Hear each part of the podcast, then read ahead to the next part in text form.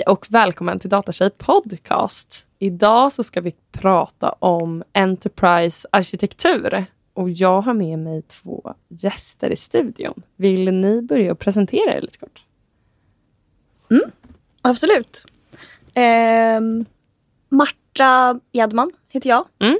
Eh, jag är 30 år. Mm. Bor i, eh, utanför Stockholm, i Mm. Åkersberga. Ehm, ja, Ja, men det kanske räcker så som att börja. vi börjar så. Eh, Elma Haradzic heter jag och är 35 år gammal och bor eh, i Nacka Mm. i Stockholm. Nice. Men vill ni börja med att berätta för mig som typ inte vet alls vad Enterprise arkitektur är för någonting? Mm. Vill du börja eller ska jag? Eh, börjar du? Ja. Okej. Ehm, Nej, men jag skulle väl säga att eh, Enterprise arkitektur handlar om att kartlägga verksamheter. Ehm, på, oftast på en ganska övergripande nivå. Man brukar säga att Enterprise arkitektur är eh, holistiskt. Ehm, och ja, man kartlägger och designar olika delar av en organisation för att säkerställa att de olika delarna funkar tillsammans. Ehm, och det kan handla mycket om affärsmål och strategier och att det ska gå ihop med verksamheten. Ehm, och därför så handlar det också ofta om ehm, processer och IT och hur det kopplar samman till eh, eller med eh, strategier. Ehm, så. Det finns ju väldigt mycket att säga. Ja. Och det finns väldigt många olika definitioner på vad det är och kanske olika grenar inom enterprise Ah, okej. arkitektur. Ehm, Så det kan skilja sig ganska mycket på olika företag, liksom hur, hur Ja. det uttrycker sig. ja men det skulle jag säga. Mm. Ehm, men eh, ja, på någon typ av, av eh, övergripande nivå så handlar det om att kartlägga verksamheter. Ja. Ehm, så. Vill du tillägga? Nej, men jätte, jättebra beskrivning. Eh, jag brukar, eller det som förenklade för mig när jag kom in i Enterprise arkitektur var just det här att tänka att systemutveckling har egentligen, det har funnits ett bra tag men det har exploderat sig de senaste 30 åren. Mm. Eh, och då utgick man kanske ganska mycket utifrån så här, nu har vi ett problem och så ska vi lösa det tekniskt. Och tänkte inte så mycket hur hänger det ihop med företagets strategi och företagets resurser och processer och information och data och alla de här olika delar. Så ju fler komplexa system som har växt fram desto mer har behovet av enterprise-arkitektur också växt fram. Som är precis som du var inne på titta på verksamheten utifrån ett helhetsperspektiv. Hur hänger allt det här ihop så att vi bygger rätt typ av lösning för rätt typ av behov eller utmaning som, som vi har i organisationen. Så att väldigt mycket liksom att arkitekturen man har ska hålla över tid, att den ska liksom vara i linje med företagets strategier och, och, och affärsmål och produkter helt enkelt. Så att man, man bygger även tekniken och datatillgången och alla de bitar så att det stöttar verksamhetens övergripande mål. Mm. Coolt. Skulle, har ni eh, något typ så här eh, case eller typ ett exempel? Eh, så att man skulle kunna få lite mer konkret. Ni kan få fundera lite, så klipper jag bort funderingen. Eh, Jag skulle kunna ta ett exempel som jag har färskt i minnet. Eh, det kan till exempel handla om att eh, en, ett företag vill eh, nå ut på en ny marknad, ett nytt land. Vi, vi har en produkt som vi kanske säljer i Sverige eller i Europa och så vill vi etablera oss på en helt ny marknad. Eh, då handlar det väldigt mycket om att man ska bygga tekniska lösningar för en ny marknad helt enkelt. Vi ska nå ut med vår produkt någon annanstans.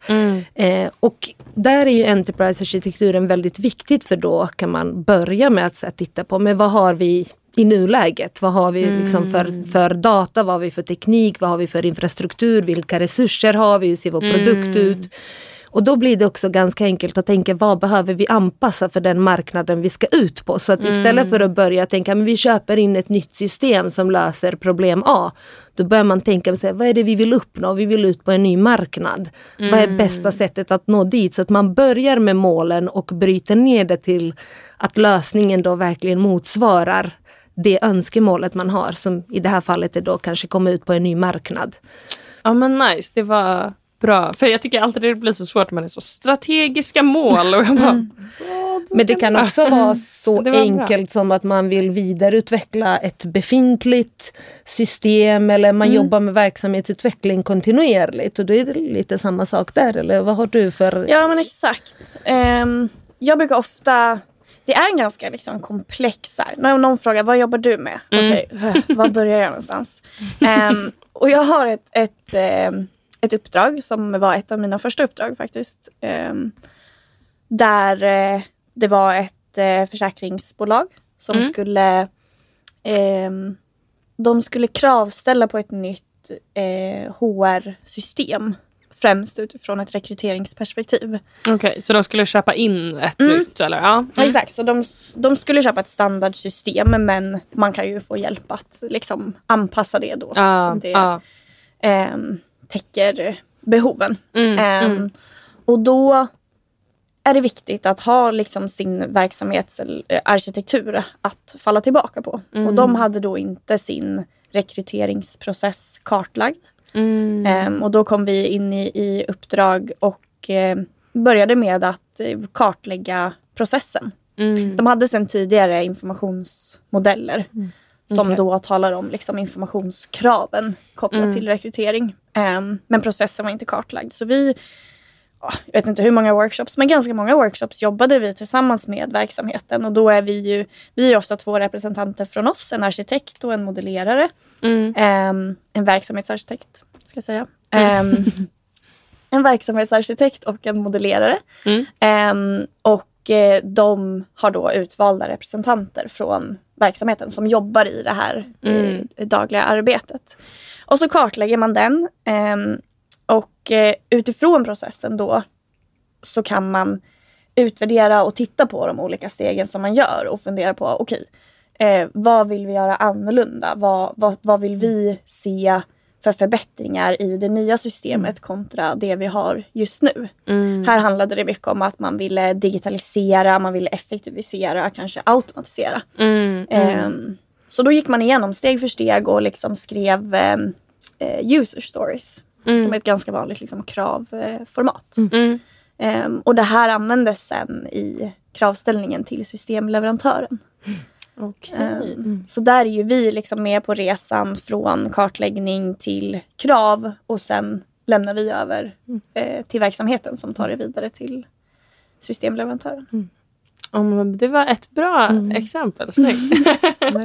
Ja, men nice. Det låter väldigt så eh, varierande och att det är mycket olika typer av saker att kartlägga och liksom få koll på och förstå. Och, Det är det verkligen. Ehm, och det handlar ju också om mer än bara eh, modellering mm. som, som är liksom, ja, kartlägga en process. Utan Mm. det är ju rutinbeskrivningar och, och styrande dokument och, och Mm. allt sånt som också innefattas i eh, Enterprise-arkitekturen. Mm. Och vi kan nämna där, för då, eh, du nämnde i, i ditt exempel också att man ibland pratar om en verksamhetsprocess, man kanske pratar om en informationsmodell, det vill säga vad är det för information som den här verksamheten håller eller behandlar. Mm, Eller, mm. Ja.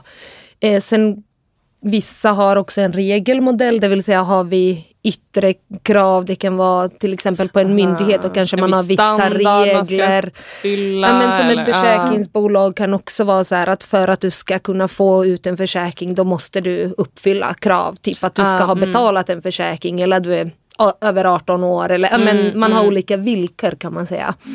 Eh, så det jobbar vi ju mycket med i Enterprise arkitektur. Det tycker jag är den gemensamma nämnaren på något sätt. Sen vissa verksamheter kanske har IA på en högre nivå, typ när, det, när vi pratar strategi och vilken teknik ska vi ha och Mm. Ehm, ja, hur ska vi förflytta ja, teknikstacken långsiktigt?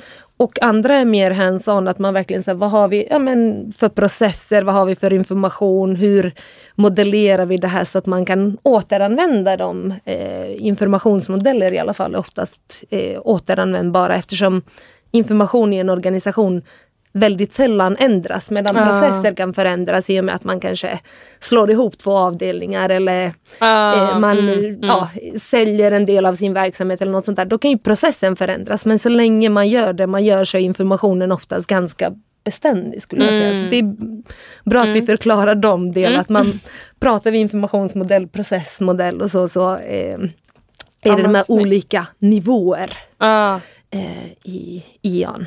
ja. Håller med. Ja, men ni båda jobbar ju med det här. Hur, hur kom ni in på det? Vad har ni för bakgrund? Vad har ni pluggat? Vad... Spännande. Ehm, jag halkade in på det här kan man säga. Eh, jag är ekonom Ja. i grunden. Ehm, har en kandidat i företagsekonomi med inriktning revision Ja. och jobbade under eh, eh, studietiden som revisor Mm. ehm, på PWC. Mm. Och tänkte att det var den vägen jag skulle gå. Mm. Ehm, sen började jag läsa en master och där var jag lite så i valet och kvalet. Ska jag läsa en revisionsmaster eller redovisning eller ska jag välja någonting annat för att bredda lite? Mm. Ehm, och då hade de på Stockholms universitet en ganska ny master som hette, eller heter eh, Operations Management and Control. Mm. Ehm, så lite verksamhetsutveckling och ekonomistyrning. Mm. Ehm, och ehm, genom att jag började plugga eh, den eh, utbildningen så ehm, hade jag en, eh, eh, en, en vän Mm. ehm, som numera är min kollega. Mm. ehm, som var lite så, jaha men du pluggar det. Ja, det låter ungefär som det jag jobbar med. Eh, och så kom det termin tre tror jag där jag skulle ha ett eh, internship. Ah. Och då ehm, fick jag plats på Arway då, som Ah. jag jobbar på.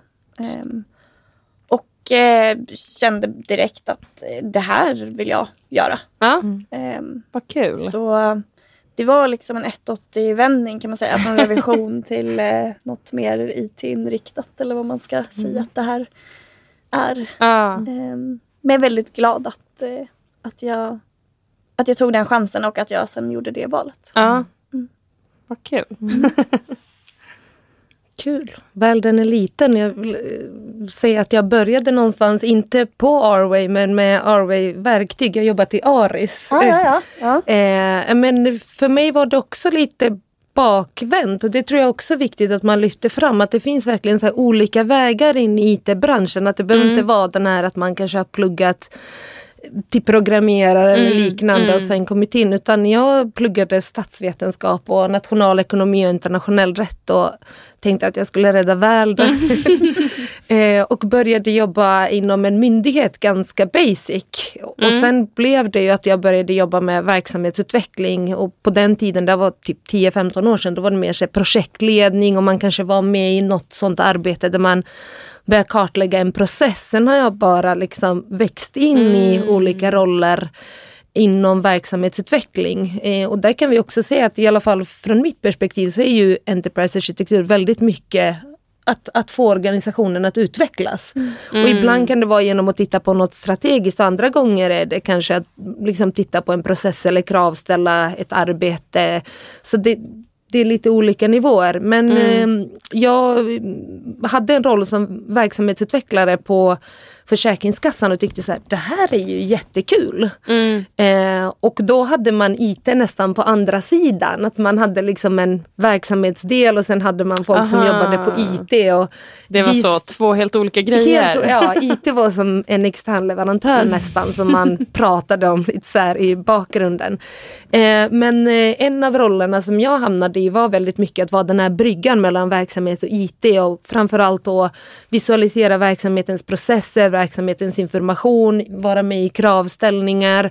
Eh, Och då eh, kom man in i IT-världen och bara, men det här är inte alls så tråkigt eller komplext Nej. som man från början tänker sig. Mm. Eh, sen har det bara varit att jag själv har fått ett ökat intresse. Då har jag på senare år pluggat eh, men, IT eh, Mm.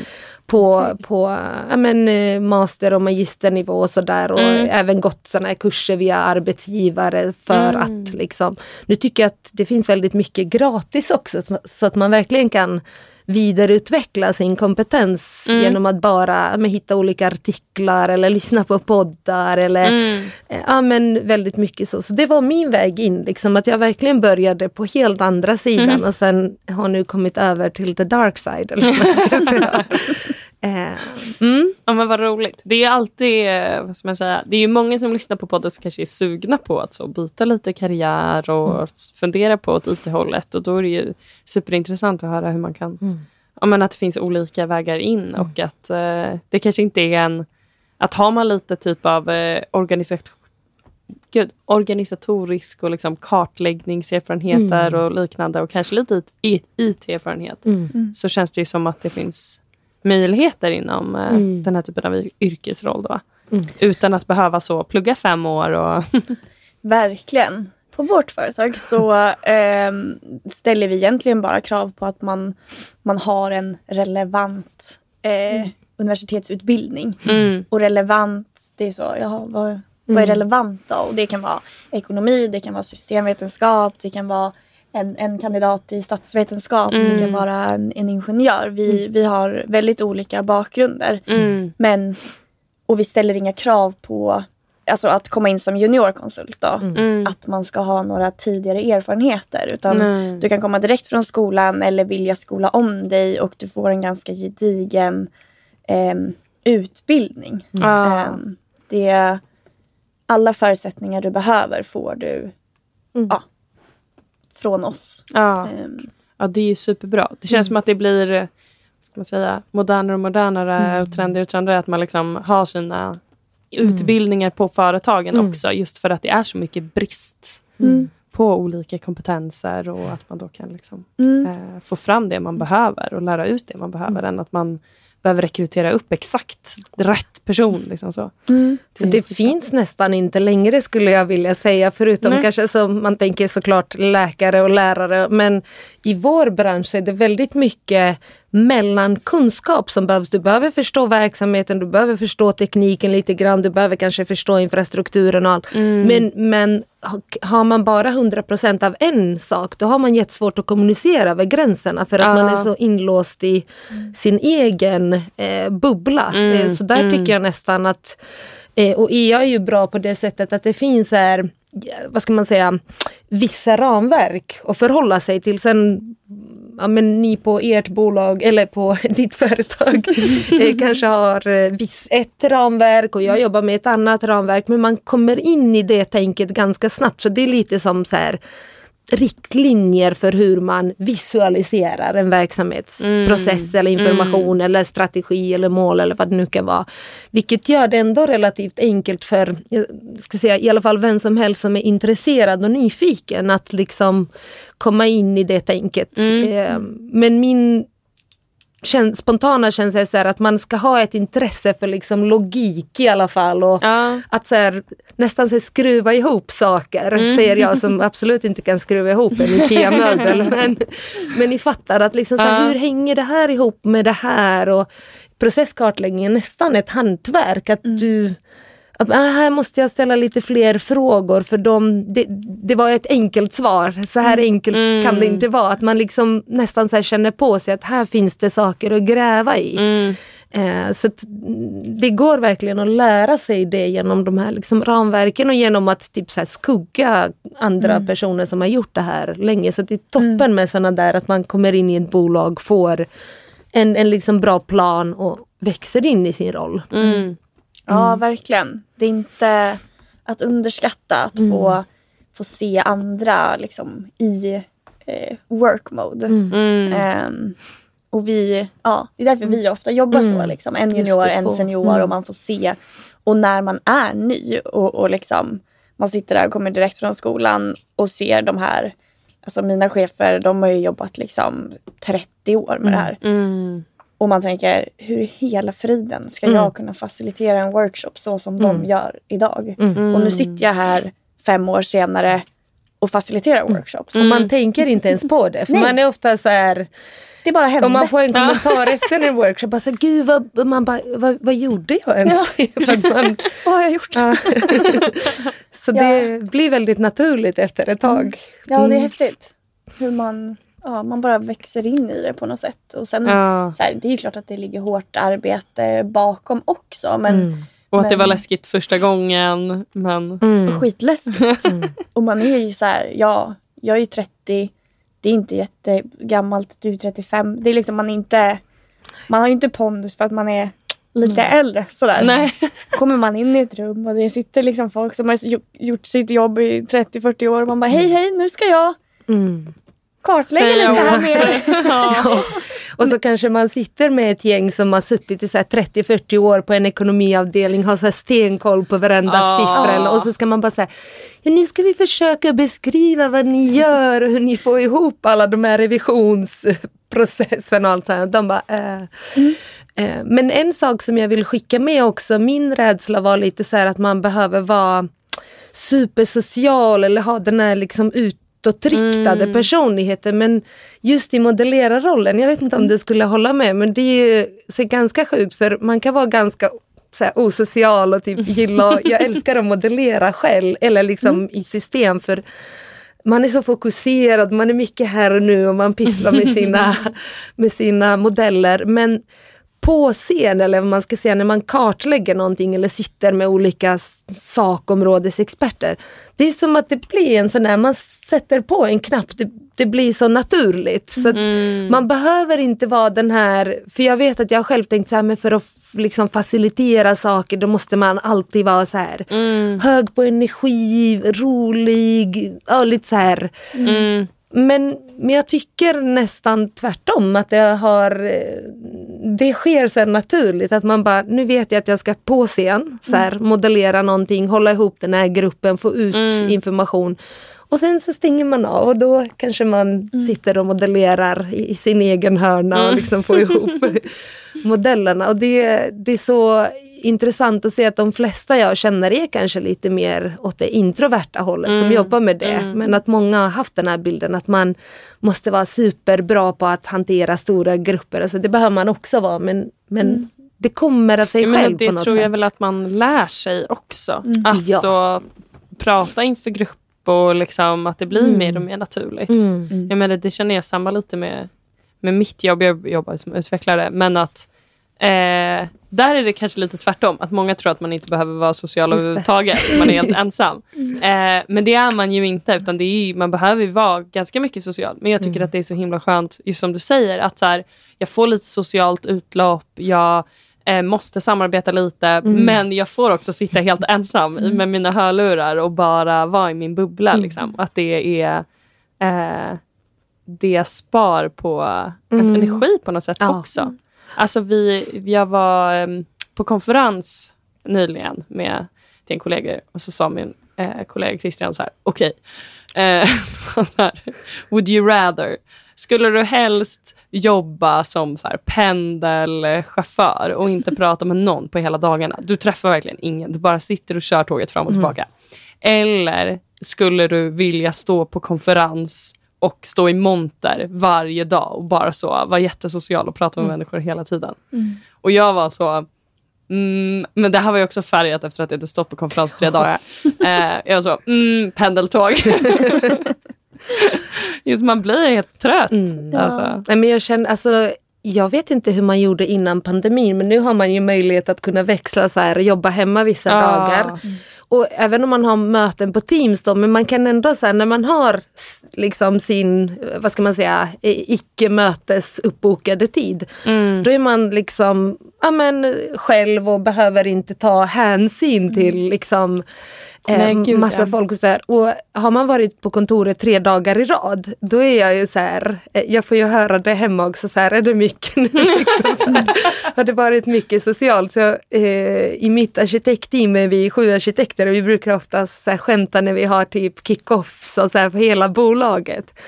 Eh, och sist så hade de någon så här pull to boot och man skulle göra så roliga saker och vi sju satt i, i ett hörn och bara så här, vi utmanar oss inte över vår gräns här. Nej okej bra, då är vi liksom införstådda med det. Så det är kul med sådana saker men det drar ju också mycket energi. Ja, så jag gillar det exakt, här att exakt. man både kan vara med människor, utvecklas, få utlopp samtidigt Ja. liksom få fokusera på saker själv Ja, emellanåt. verkligen. verkligen. Mm. Academic Work är ett bemannings och rekryteringsföretag som hjälper young professionals, det vill säga studenter och akademiker i början av arbetslivet, att ta sitt första eller nästa steg i karriären. När det gäller just IT och techbranschen så händer det massa saker precis hela tiden. Digitalisering och automatisering förändrar hur olika yrkesroller jobbar. Gamla roller försvinner och nya tillkommer. Och detta är något som inte bara sker i IT-branschen utan den här utvecklingen påverkar alla branscher och områden. Så hur ska man då hitta sin plats på en sån här arbetsmarknad? Särskilt eftersom att många traditionella yrken görs om, förändras eller försvinner. Allt fler kommer behöva tänka om och hitta nya vägar i sitt jobbliv. Jo, men där kan det vara skönt med en karriärspartner. Som en av Sveriges största arbetsgivare av nyexaminerade har Academic Work en viktig roll i att säkerställa att fler kvinnor och icke-binära söker sig till IT och techbranschen. Trots att det är en snabbt växande bransch med många spännande möjligheter råder det stor brist i kompetens och inte minst mångfald. Det vill Academic Work ändra på och vi är därför väldigt stolta över att ha just Academic Work som sponsor som hela tiden håller koll på vilka kompetenser som behövs framåt och hjälper kvinnor och icke-binära inom branschen att se vart just du, dina kompetenser, önskemål och intressen kan passa in. De kan hjälpa dig att tänka utanför boxen och se möjliga karriärsvägar som du inte tänkt på överhuvudtaget för att du inte visste att de fanns. Om du saknar utbildning finns det även möjlighet att göra ett karriärsskifte med deras Academic Work Academy Program. Hittills har över tusen kvinnor tagit klivet in i IT och techbranschen inom deras 12 veckors program som de skräddarsyr tillsammans med företag inom branschen för att minska kompetensluckorna där det finns behov inom IT och tech. Du kan läsa mer om deras kommande utbildningar på deras hemsida och inom kort har du även möjlighet att söka till utbildningar inom Data Engineering, Cybersecurity och Industry Automation som kommer gå under sommaren. Under våren kommer Datatjej tillsammans med Academic Work arrangera flera event där du som medlem får möjlighet att möta förebilder inom branschen och IT-specialister på Academic Work som vill inspirera och hjälpa dig att ta nästa steg. Håll utkik för mer information inom kort. Vi ser fram emot att ses på våra kommande event.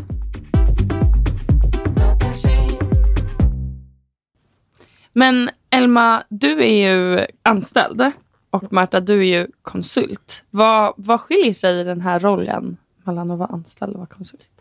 Mm. Mm. Rollen som konsult är ju framförallt väldigt ombytlig eh, beroende mm. på vad, eh, vad för uppdrag man hamnar i, vad kunden efterfrågar. Eh, om jag utgår ifrån mig själv eh, så har jag under mina år inom verksamhetsarkitektur fått en ganska Alltså jag vill inte säga teknisk roll, men jag säger ändå det. Men jag är ingen liksom, IT-snille, det ska man inte tro. Um, men jag har jobbat... Jo då. jag är alltid sån bara, man, men det är så typiskt att man bara så, jag är ingen IT-person, men att man bara, du kan ju visst IT-grejer. En kille skulle aldrig säga. nej, nej, men så är det ju. Men eh, ja, jag, jag har jobbat mycket på verktygssidan mm. av eh, arkitekturen. Så eh, det dokumenteras ju i olika verktyg, gärna modelleringsverktyg där man kan förvalta och det är repositorybaserat, alltså mm. allting finns i verktyget och det kan återanvändas. Mm. Eh, ett, exempel, eller, ja, ett exempel på ett sådant verktyg är Sparks Enterprise Architect. Ett annat är Aris mm. eh, till exempel. Um, och jag har jobbat mycket med verktygsadministration. Mm. Um, användarstöd och um, ja, har vuxit in i en roll som produktägare för uh, ja, Spark då specifikt. Mm. Eller Enterprise Architect. Um, så där får man, då hamnar man liksom på andra sidan av arkitekturen och stöttar mycket i de som faktiskt arbetar med arkitektur i verktyget. Mm, fattar. Ehm, så där, ja, P, alltså produktägare är väl liksom en mer så IT, jag jobbar på en IT-avdelning. Mm. Ehm, så. Ehm, men samtidigt då så, så har jag varit i uppdrag som är rena arkitekt eller arkitekturuppdrag. Ah, okay. Men så är det här PA-uppdraget, är det på ditt konsultbolag som ni har den produkten? Eller är det ute hos en kund som har den produkten? det är hos en kund som har hos den en produkten. kund som har den produkten. Och Okej, vi har samma, alltså, ja, vi använder samma verktyg och det är därför vi blir väldigt specialiserade i det mm, verktyget. fattar. Mm.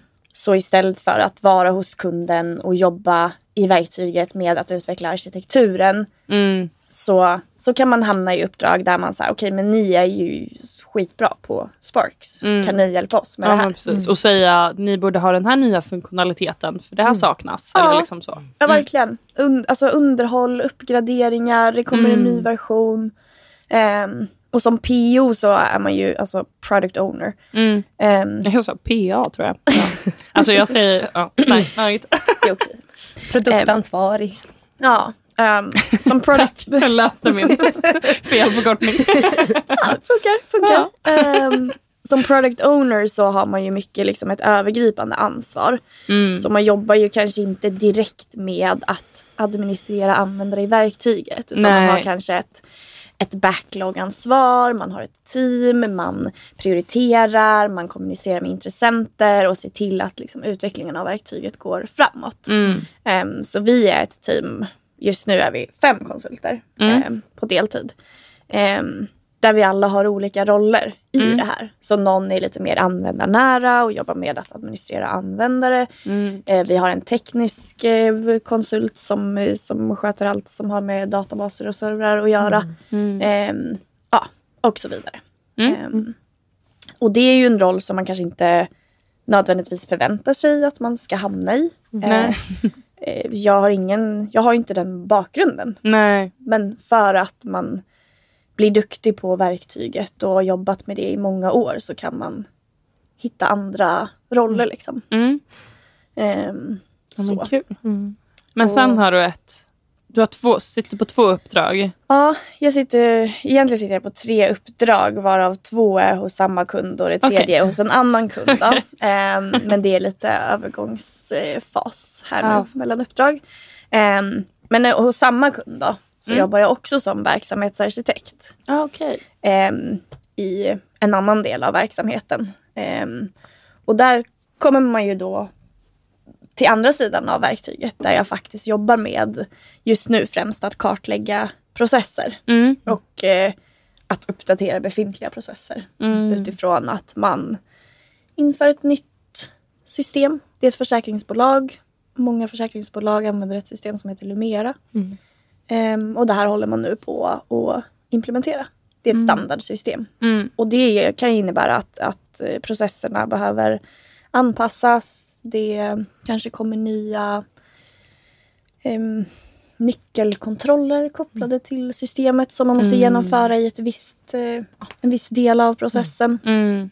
Och där är vi då inne och stöttar verksamheten i att uppdatera processdokumentationen Mm. i verktyget.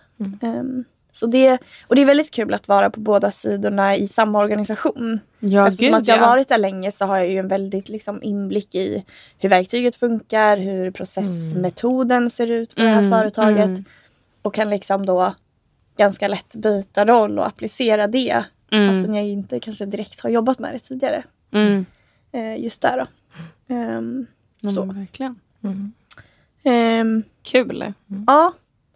Och sen jobbar jag i en svensk eh, myndighet. Ehm, Ah. Också som verksamhetsarkitekt. Mm. Ehm, och också med fokus på processer men där vi just nu är i en lite um, utredande fas kan man säga.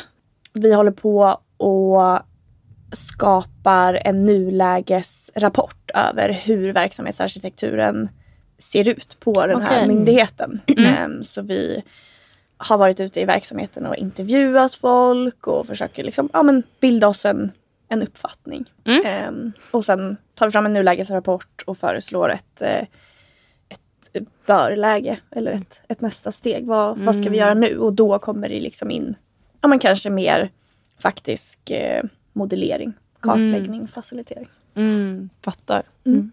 Ja, men coolt. Det antar jag också måste vara ganska stor del på olika myndigheter i och med att eh, mycket av de system man vill använda upphandlas och kan vara väldigt långa processer. Mm. Att, man, att det då krävs väldigt mycket så förarbete. Och, Mm. Ja, jag skulle säga att det är mycket verksamhetsarkitektur på myndigheter. mm, Det är, mycket av våra kunder är offentlig verksamhet. ja, Ehm, och, um, det kanske är lite, lite mer ad hoc på företag. För att de, om man inte är, om man, om man är inte är tillräckligt stora att Alltså, mm, typ mitt företag, vi är 40 anställda. Mm. Alla vet vad alla gör. Typ. Mm. Alltså så. Och sen så växer man ju till någon slags punkt när det blir så, okej, Mm. nu, kommer, nu kommer knappt den ena sidan av företaget veta vad den andra Mm. sidan håller på med. Liksom. Mm. Och då behövs ju mycket mer den här. Precis. Och det känns som att det inte eh, det är många myndigheter som är på den nivån i mycket större utsträckning än kanske företag. Mm. Eh, och att företag mer har riskerar att kanske gå i stupet om att Mm. man inte uppmärksammar att man kanske behöver den här typen av roll. Liksom. Absolut. Men nu, det här är ju bara min så. Men jag tycker att du förklarar, jag tycker att du förklarar det ändå väldigt bra där vi startade. Att eh, arkitekturen är på något sätt som kartan över helheten. Så att alla ska kunna navigera oavsett om man bara kanske sitter och kodar och, och liksom utvecklar en tjänst eller om man sitter på andra sidan och är chef eh, eller användare och så här. Så att det- det var ju nog väldigt, och jag tror ju större ett bolag blir desto mer behov av att ha en struktur så att när du och jag pratar över gränsen att vi bara säger men menar vi samma sak nu? Ja. För du kanske pratar om en process som typ ett visst steg och, och vi pratar om en process som ja, med hela verksamhetens flöde. Så att just det där att så här, definiera olika typer av begrepp, vad vi menar med dem, hur ser de ut, hur ska vi visualisera dem. I, så du, du, Ja. du satte nog ändå lite... Ah, nice, tack. Snyggt. tack, tack. Men, men hur är det för dig som, som anställd då, på, på liksom ett företag? Jag kan också säga att jag har envisats i alla dessa år att hålla mig anställd. Eh, Att aldrig bli konsult? Att aldrig, nej. Va? Det, Hatar du det, konsulter? jag jobbar jättemycket med konsulter så jag har haft jättemycket eh, ja, men, eh, kollegor som är konsulter som jobbar med kanske olika delar av arkitekturen. Det kan vara verksamhetsarkitektur eller informationsarkitektur. Eh, jag tror att den största skillnaden mellan att vara anställd och konsult är i alla fall att jag har varit på några eh, större organisationer i Eh, ja, men på vissa kortare tid men oftast har jag varit så upp till fem år i en viss roll. Eh, och då får man vara med i det här långsiktiga. Mm. Så jag jobbar eh, idag mycket mer strategiskt än vad jag gjorde för kanske fem eller sju år sedan. Då jobbade jag ganska mycket med kanske just där verksamhetsarkitekturen, den delen av IA. Eh, där man utgår ifrån verksamheten, försöker beskriva verksamheten, så, ja, hur, hur verksamheten ser ut, vad vi har för processer och tjänster och resurser och information. Eh, Medan idag så jobbar jag egentligen mycket mer med helheten, att eh, mycket mot eh, ja, men strategin. Eh, det kan vara en ledningsgrupp men det kan också vara, nu eh, finns jag inom ett större bolag och tidigare har jobbat på större myndigheter. Då är man väldigt nära avdelningsledningen eller till och med högsta ledningsgruppen. För, för mig är ju IA väldigt mycket ett sätt att åstadkomma affärens strategi och mål. Eh, så jag jobbar till exempel med något som vi kallar för målarkitektur. Det vill säga att ska företag, oftast har ju företaget en långsiktig vision. Om tio år ska vi vara störst på vad det nu är, näthandel eller eh, ja, någonting, digital tandvård. Jag på. Eh, och då börjar vi, eh, ofta så finns det ett arkitekturteam, jag jobbar i ett arkitekturteam idag, att då kanske man spånar på så här, vad behöver vi ha på plats för att vara störst på det vi nu vill vara störst på om tio år. Men då måste vi ha de här tjänsterna, de här verktygen, den här typen av data, vi ska jobba med data så här, dataägarskap. Eh, och sätta alla de bitar på plats. Det är målarkitektur, så det jobbar jag väldigt mycket med idag, att liksom titta på ehm, vad är det bolaget vill, hur kommer vi dit? Och sen börjar man kanske bryta ner det till olika program eller projekt där ett av de eh, programmen eller projekten skulle kunna vara så här, ah, men vi behöver, uppda- vi behöver ett nytt HR-system som du började med. så här, Okej, Då kan man titta på hur ser HR-organisationen ut, vad är det för processer, Mm. Mm. vad är det de vill göra, vilken typ av data vill de hålla hos sig och så vidare. Så Mm. att, eh, som sagt, anställd då tror jag att man, eller i alla fall det jag gillar och det jag brinner för är ju så här, vara med på den långsiktiga resan, Mm. eh, sätta de här stora målen men samtidigt också vara med, för jag gillar ju att vara i detaljerna också, så här, bryta ner olika Mm. områden. Det kan vara att man kör ett program med flera olika projekt eller är nere i, i ett visst projekt. Ehm, till exempel så jobbar eh, på, på mitt nuvarande jobb så ska vi eh, ta en ny dataplattform. Jag var med på en transformation hos min tidigare arbetsgivare eh, där vi liksom gör en plattformstransformation. Vi ska byta plattform, alla befintliga tjänster ska eh, migreras eller förbättras inför eh, flytten säger jag då. Det kan vara att man kanske ska jobb, börja jobba med moln och göra hela molntransformationen så att man sätter alltid ett målläge. Man börjar titta på hur ser nuläget ut? Hur ser gapet ut till dit vi vill och vad måste vi börja med? Liksom, vilka Ja. delar måste komma på plats först? Och det är den jag tror att det som faktiskt driver mig mest i mitt jobb är att sluta prata verksamhet och IT. För, för det är ju som att eh, jag vet inte.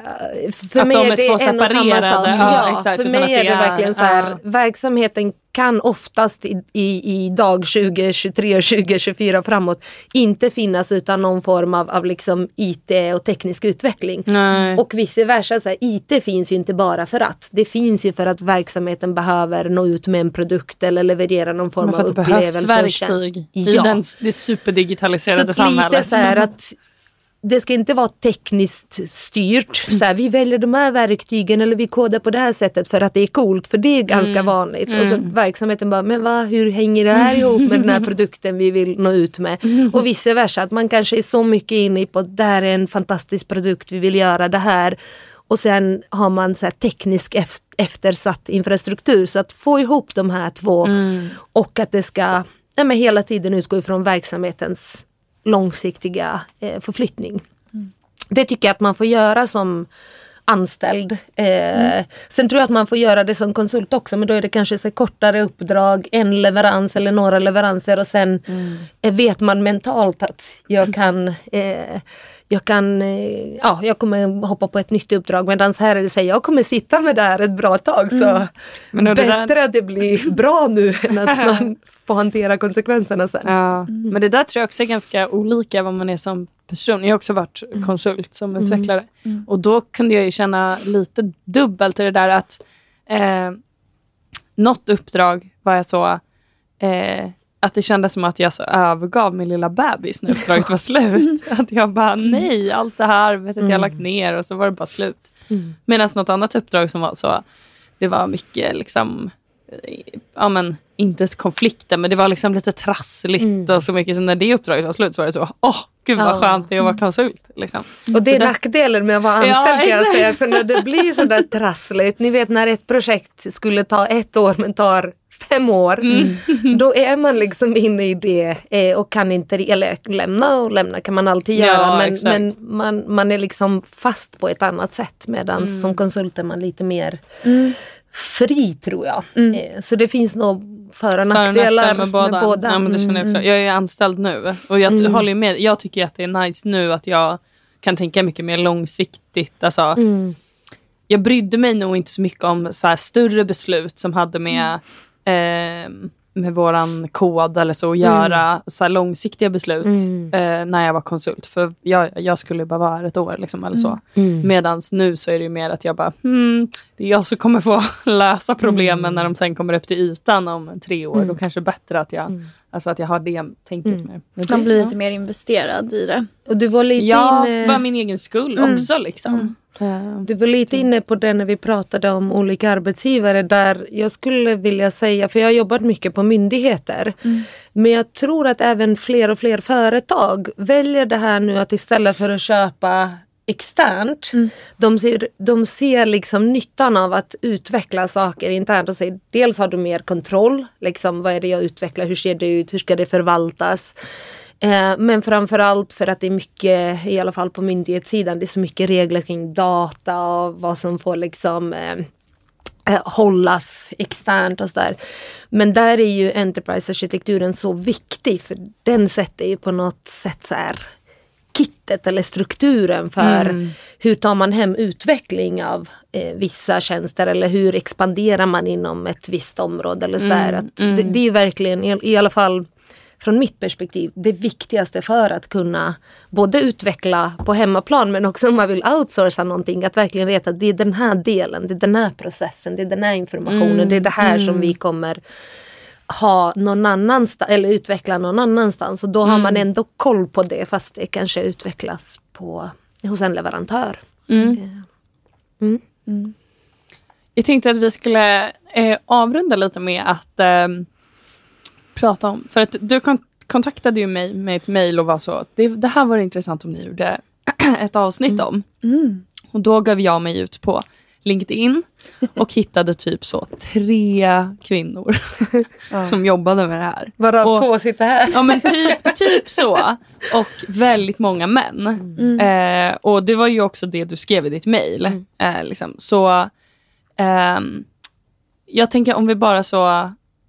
jag vet inte riktigt vad jag vill att vi ska säga, eller jag har ingen fråga. Men så, vad skulle vi kunna säga för att liksom peppa fler? Och var, varför tror ni att det är så, så få inom just den här rollen? Liksom? Bra fråga. Vi är ganska många tjejer i vårt Ah, företag. Ehm, och jag vet inte om det är medvetet liksom rekryterat så. Ja. Eh, Det tror jag inte. Utan ehm, Eller det är säkert att man har säkert haft en tanke att man vill ha en diversity på arbetsplatsen, tänker jag. absolut. Men, inte att det är kvoterat kanske. Men... Nej, precis. Mm. Utan när vi rekryterar så har vi mycket liksom, fokus på vem, vem är den här personen. Mm, mm, Ehm, passar den in i gänget? Har den rätt liksom persona? mm, mm, Inte nödvändigtvis eh, eh, ja, men, eh, kompetenser eller bakgrund eller erfarenhet. Utan, mm. ehm, Då skulle den passa för rollen. Liksom. Mm, mm, verkligen. Eh, och vi har många liksom, starka unga kvinnor. Ja, kul. Eh, och det är väldigt eh, ja, Mm. uppfriskande och härligt. Eh, ganska, ja, det är ett ganska ungt företag tror jag. Alltså det finns ju några, det finns ju några Några medelålders män. eh, men eh, det, ja, Mm. jag tycker att de har gjort ett väldigt bra jobb i Mm. att bygga upp ett företag där de lyfter oss unga. Mm. Ehm, och gärna kvinnor men inte bara kvinnor. Ehm, så. Mm. Men sen är det ju liksom såklart en IT-bransch Mm. där det är mycket män. Ja, Ehm, jo, men precis. så det är väl eh, fler tjejer som ska Mm. våga. Mm. Eller förstå att det behöver inte heller vara... Alltså jag skulle inte säga att jag, är- jag är inte IT-konsult. Liksom. Nej. Mm. Även om eh, verksamhetsarkitektur då kanske faller under IT så som sagt, jag har en, en bakgrund som ekonom Ja. och det var liksom inte ett hinder för mig Mm. för Nej. att jag skulle ge mig in i, i, i det här och sen lär man sig med vägen. Mm. Mm. Eh, Mm. Man lär sig längs vägen. Ja. Och det är ju alltså inte så... Jag tänker att man har en bild av att allt ska vara så himla svårt och läskigt. Mm. Tills man börjar lite med det. Mm. Och så ser man då att okej, det var inte alls Mm. så där svårt och läskigt som jag trodde. Liksom. Mm. Jag tror, för mig, jag är ju ensam tjej i mitt arkitektteam eh, och har varit det oftast liksom på de, vi har jobbat på IT-avdelningar senaste x antal år. Mm. Eh, väldigt få tjejer och ingen, jag har inte jobbat med någon annan IA. Eh, jag tror att det handlar väldigt mycket, sen beror det på, vi var lite inne på att det finns här olika, man pratar verksamhetsarkitektur, då vet jag att liksom, där finns det fler tjejer. Pratar man kanske mer renodlad IT-arkitektur, systemarkitektur, eh, mjukvaruarkitektur och så vidare, då Där är det är det nästan bara dåligt. gubbar. Ja. Eh, eller liksom, också oftast mer, alltså väldigt seniora eh, eh, män som har funnits. Så det, det, finns nog två vägar. Jag, jag, känner mig supervälkommen i mitt team idag. Mm. Eh, nästan på gränsen, ni vet så här när de involverar en i diskussionen och man bara äh, what? eh, så så jag tror inte att det är så medvetet eh, att det bara finns män. Men jag vet ju också, jag blev headhuntad i den rollen jag har idag. Mm. Att när jag läste när de skickade annonsen då ryggade jag lite och var såhär, nej men det är för eh, men jag jobbar ganska mycket tekniskt annars också men det här var väldigt så tekniskt orienterat och de är mm. inne i så här molntransformation och dataplattformar och mycket liksom infrastrukturdelen av mm. IA och då var så här, åh nej svårt. Men det är ju också det där att man lär ju sig varje mm. gång man hoppar på ett sånt uppdrag eller projekt eller vad nu Så jag, jag tror att jag har lärt mig mer på ett par månader än vad man mm. annars lär sig på tre år på ett mm. ställe där man är ganska bekväm. Ja. Eh, men det är det där steget att våga och även arbetsgivare tror jag också att faktiskt våga satsa på att ta in en kvinna som inte nödvändigtvis täcker all, varenda punkt mm, på ens mm. kravlista utan snarare så här, här finns det potential. Mm. Eh, för det, jag kan säga att det som jag tror att jag bidrar mycket med i, i mitt team utöver liksom mitt så här, ansvarsområde, jag är den enda enterprise-arkitekten, så är det också att men så här, ställa frågor. Um, mm. De som kanske är mer tekniskt orienterade de hoppar på lösningen direkt. Men jag är alltid mm. så här, mm. vad är syftet med det? Varför ska vi ta fram den här lösningen? Mm. Vilka, vilket alternativ ska vi titta på? Uh, varför mm. hoppar vi direkt på det här alternativet? Hur ska det förvaltas? Alltså, och där vissa frågor tror jag faktiskt faller sig mer naturligt för oss kvinnor där vi är lite mer så här frågvisa och man kanske inte köper någonting rakt av. Man mm. vill ha lite mer förankring och jag är också så här, glöm inte att prata med den och den och mm. ska vi också bjuda in dem här och, och det tror jag är liksom viktigt att tänka på att det inte är bara de här tekniska kompetenserna utan hur får jag in någon som kompletterar resten av teamet och som kanske mm bidra med någonting som inte finns där. Mm, mm. För den personen kommer också influeras av alla de kompetenser som finns där. Så att jag får ju, mm,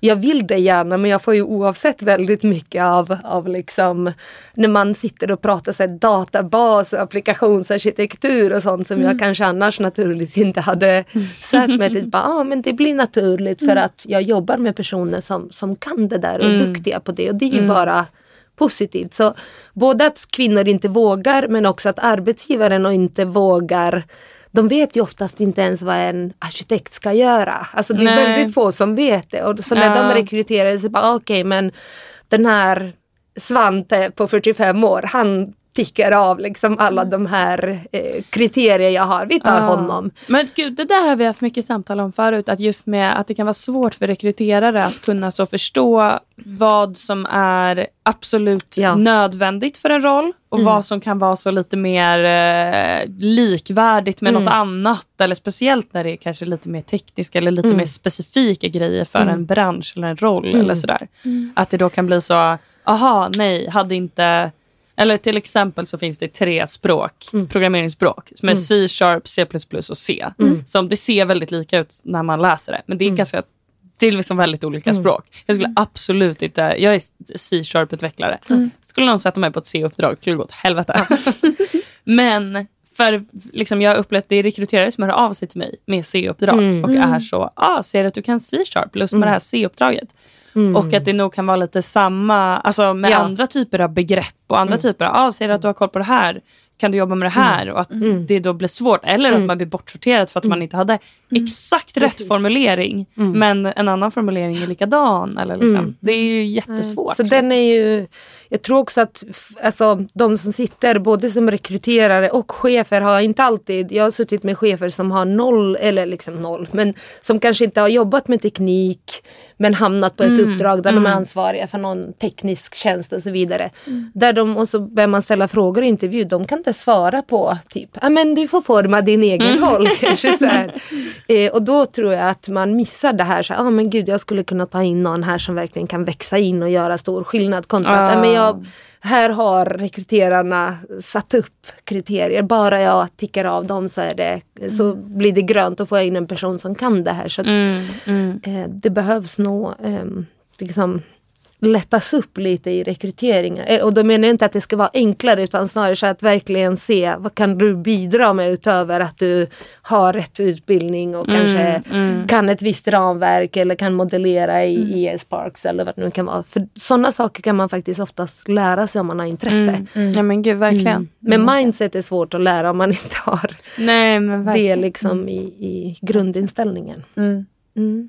Ja, verkligen. Det är ju tydligt som, som konsult. Alltså, som konsultbolag eh, så är man ju med i en del upphandlingar och liksom, det, det blir ju också på något sätt som en, en jobbannons fast det är ju en, en, en, eh, ja, en upphandling istället. Och, och det kan vara så himla fyrkantigt. Mm. Alltså du måste uppfylla de här kraven och vi vet ju ofta att så här, vi kan skicka in den här personen i det uppdraget och, och hon eller han kommer göra det amazing. Mm. Men bara för att den här personen inte har tio års erfarenhet, vilket oftast är helt orimligt att man ska behöva ha, Mm.